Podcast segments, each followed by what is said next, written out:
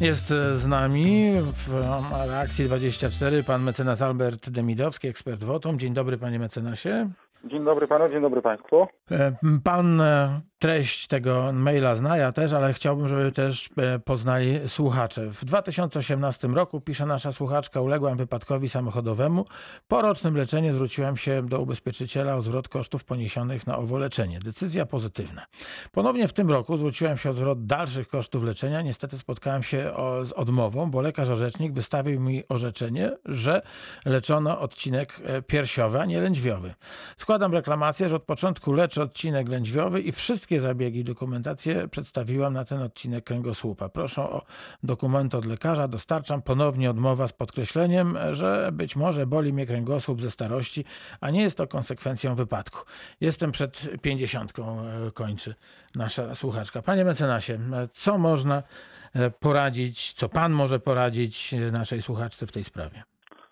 Jeżeli dokumenty, które klientka ze- zebrała dotyczą faktycznie tego jednego odcinka kręgosłupa, czyli odcinka lędźwiowego, a lekarz, orzecznik, zakładam, że jest to orzecznik ze strony Zakładu Ubezpieczeń, wskazuje, że jest to odcinek piersiowy, no to coś tu, coś tu nie gra, prawda, bo dokumenty przemawiają z tego, co klientka pisze, oczywiście, że jest to kręgosłup w odcinku lędźwiowym.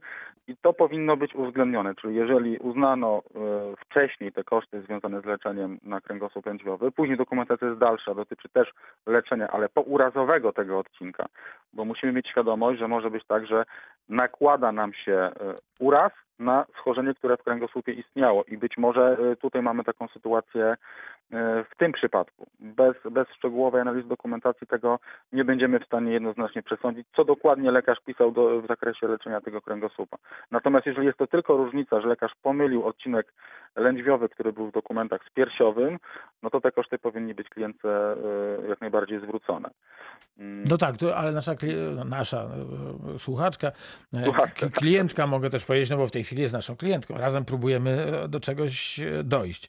E, Przedstawia dokumenty od lekarza i ponownie jest e, odmowa. To znaczy, że, e, że w, w tych dokumentach mogą być pewne niejasności. Czy jest jakaś szansa po tej drugiej odmowie, e, żeby, żeby jeszcze podyskutować z e, ubezpieczycielem? Myślę, że warto spróbować, bo jeżeli te dokumenty faktycznie dotyczą kręgosłupa lędźwiowego, to warto, żeby, yy, żeby taką pacjentkę właściwie przebadał lekarz osobiście. Z tego, co, z tego, co słuchaczka pisze, prawdopodobnie yy, Zakład Ubezpieczeń wydawał opinię tak zwaną zaoczną, czyli nie badając klienta, yy, dokonał analizy dokumentacji medycznej i lekarz na tej podstawie wystawił swoją opinię. Myślę, że warto, żeby słuchaczka zwróciła się jeszcze raz do Zakładu Ubezpieczeń z propozycją osobistego badania i na takim osobistym badaniu wiele rzeczy można sobie wyjaśnić. Jeżeli są jakieś nieprawidłowości, to można to jakoś sprostować. Tak więc to bym na tym etapie sprawy na pewno polecił. E, Jeszcze próba takiego powiedzmy kompromisu czy porozumienia z Zakładem Ubezpieczeń właśnie przez pryzmat e, osobistego badania lekarskiego. To nie jest obowiązkowe ze strony ubezpieczyciela, ale warto taki wniosek złożyć i z, z, mojej, z mojego doświadczenia zawodowego wynika, że jeżeli jest, faktycznie są jakieś rozbieżności czy są wątpliwości, to zakłady ubezpieczeń takie osobiste badania organizują. Panie mecenasie, to, że po, po raz drugi otrzymała nasza słuchaczka odmowę, e, nie oznacza, że ten, e, ta droga została dalsza zamknięta. Oczywiście Zakład Ubezpieczeń wskaże, że jest to decyzja ostateczna, nie ma od niej odwołania, ale e, znając praktykę, zawsze warto spróbować jeszcze tutaj coś powalczyć w tym zakresie właśnie, chociażby tej osobistej komisji lekarskiej. W ogóle na kanwie tego wszystkiego, tej, e, tej całej sytuacji warto pamiętać, że e, dokumentacja medyczna powinna dotyczyć stricte tych obrażeń, które doznaliśmy w czasie wypadku. Czyli jeżeli mamy w dokumentach inne obrażenia, które nie są związane z wypadkiem, a przy okazji je leczymy, prawda, chodząc do, do jednego specjalisty, to one nie będą brane pod uwagę przy e, szacowaniu e, e, uszczerbku na zdrowiu i ewentualnie nie będą brane pod uwagę przy szacowaniu zwrotu kosztów związanych z leczeniem powypadkowym. Dlatego warto dokładnie patrzeć, co lekarz w dokumentacji wpisuje, bo czasami lekarz może też się po prostu zwyczajowo pomylić i zamiast pisać, że jest to kręgosłup e, lędźwiowy, wpisze piersiowy albo odwrotnie, to są odcinki bardzo bliskie, tam te kręgi też e, na siebie nachodzą, e, jeżeli chodzi o odcinki krę- kręgosłupa lędźwiowego i piersiowego, tak więc warto po prostu rzucić okiem, co lekarz wpisze, bo potem może być z tego powodu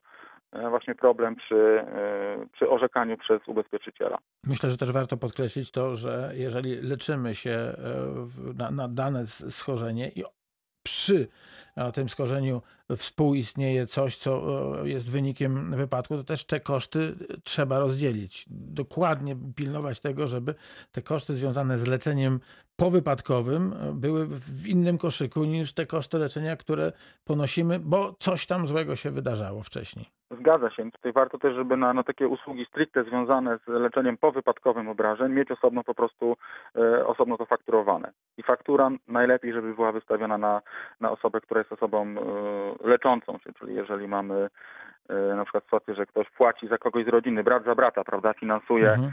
E, leczenie, to pamiętajmy, że faktura nie może być na, na osobę, która płaci, tylko na poszkodowanego, żeby ona była wystawiana. To też taki niuans troszkę, ale, ale potem też z tego powodu może, może wydarzyć się problem, jeżeli chodzi o zwrot poniesionego kosztu. Mm. To tu Jeżeli- mamy, tu mamy, tak, tak? Tak, tak, proszę. To sprawę od, kosztów leczenia, zwrotu kosztów leczenia mamy załatwioną, tak sądzę. Myślę, że tak. Czyli rekomendujemy słuchaczce, żeby zaproponowała, żeby y, w związku z wątpliwościami lekarz osobiście przebadał y, klientkę na komisji lekarskiej. Gdyby to nie poskutkowało, no to są dwie alternatywy, prawda? Może klientka zwrócić się o pomoc do rzecznika finansowego, czyli poprosić, żeby rzecznik finansowy się wypowiedział też w zakresie tego y, sporu o koszt. Względnie może kierować sprawę na drogę postępowania sądowego, prawda? To są jakby dwie dalsze, dalsze ścieżki dalsze możliwości, które klientka może wykorzystać. Jeszcze powiedzmy o zadośćuczynieniu, jeśli można. No właśnie, bo tu klientka nie wspomina o kwestii zadośćuczynienia, czyli jest to rekompensata za, za ból, za cierpienie, e, które wynika właśnie z obrażeń doznanych w czasie wypadku i, i warto też, e, żeby klientka się o to zadośćuczynienie zwróciła do ubezpieczyciela, bo często jest e, tak, że zadośćuczynienie wielokrotnie przewyższa e, zwrot kosztów, które ubezpieczyciel zwraca klientowi. W jakiej formie należy wystąpić do ubezpieczyciela? Najlepiej, y, tu mamy chyba PZU z tego, co, z tego, co się orientuję. Nie jest to oczywiście kryptoreklama żadna, natomiast to sama słuchaczka wskazała. Warto się zwrócić nawet y, drogą mailową do, do zakładu przy okazji jakby tego wniosku o komisję osobistą, y, wystąpić z wnioskiem o wypłatę zadośćuczynienia. No, nie znam szczegółów y, dokładnie, jakie tam urazy klientka doznała, tak więc nie chcę sugerować. Jeżeli mm, byłaby potrzeba konsultacji, to oczywiście mm, możemy to przerzucić na, na korespondencję elektroniczną, prawda, żeby y, klientka doprecyzowała, jakie dokładnie obrażenia miała. Wtedy będę w stanie już poza anteną podpowiedzieć, jakiego rzędu wartości by wchodziły jako zadośćuczynienie, prawda? I to zadośćuczynienie faktycznie może, może znacząco przewyższyć te koszty, które nie są dotychczas zwrócone. Czyli e, reasumując tą naszą krótką rozmowę, e, powinniśmy bardzo mocno pilnować e, wszystkich formalności związanych z kosztami leczenia i pamiętać o tym, że również zadośćuczynienie nam e, przysługuje. Zgadza się, zgadza się dokładnie.